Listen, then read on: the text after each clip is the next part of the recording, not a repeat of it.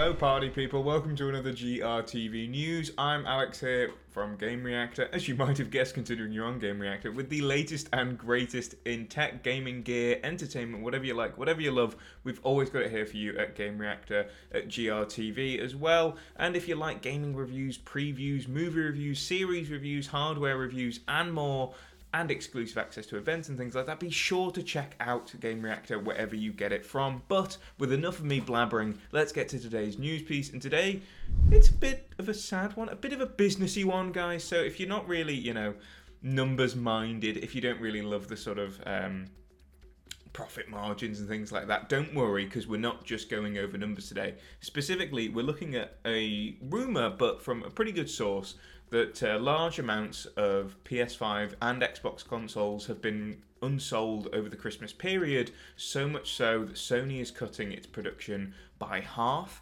and Xbox, Microsoft, is stopping Xbox production entirely for a bit. This might sound like absolute disaster, right? Okay, this uh, this doesn't sound good considering the Christmas period is usually a very very hot period for gaming.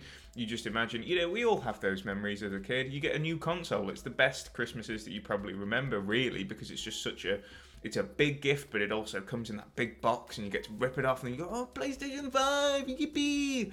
Anyway, um, apparently, not a lot of families have been doing that this year. Must have been giving out V Bucks and whatever, you know, credit cards. I don't know what people give their kids nowadays. In any case, it's not a PS5 or an Xbox One by the sound of things, or an Xbox Series X rather, as these sales uh, have just not been what it's expected.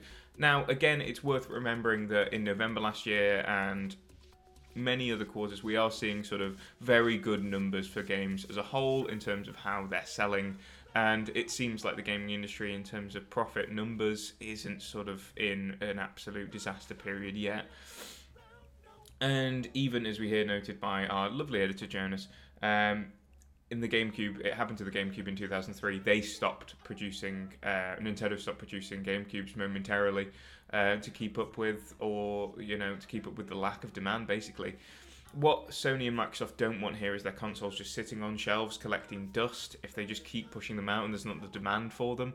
I don't think this is going to lead to anything like a sort of console shortage that we saw back in 2021 and 2020, where you just couldn't get your hands on any sort of console at all, no matter what you wanted, if you wanted a next gen machine. I think a lot of people now have bought them that are going to buy them. And as well, I think this is indicative of the fact that a lot of people still aren't really seeing the next gen upgrade as the uber necessity that it should be.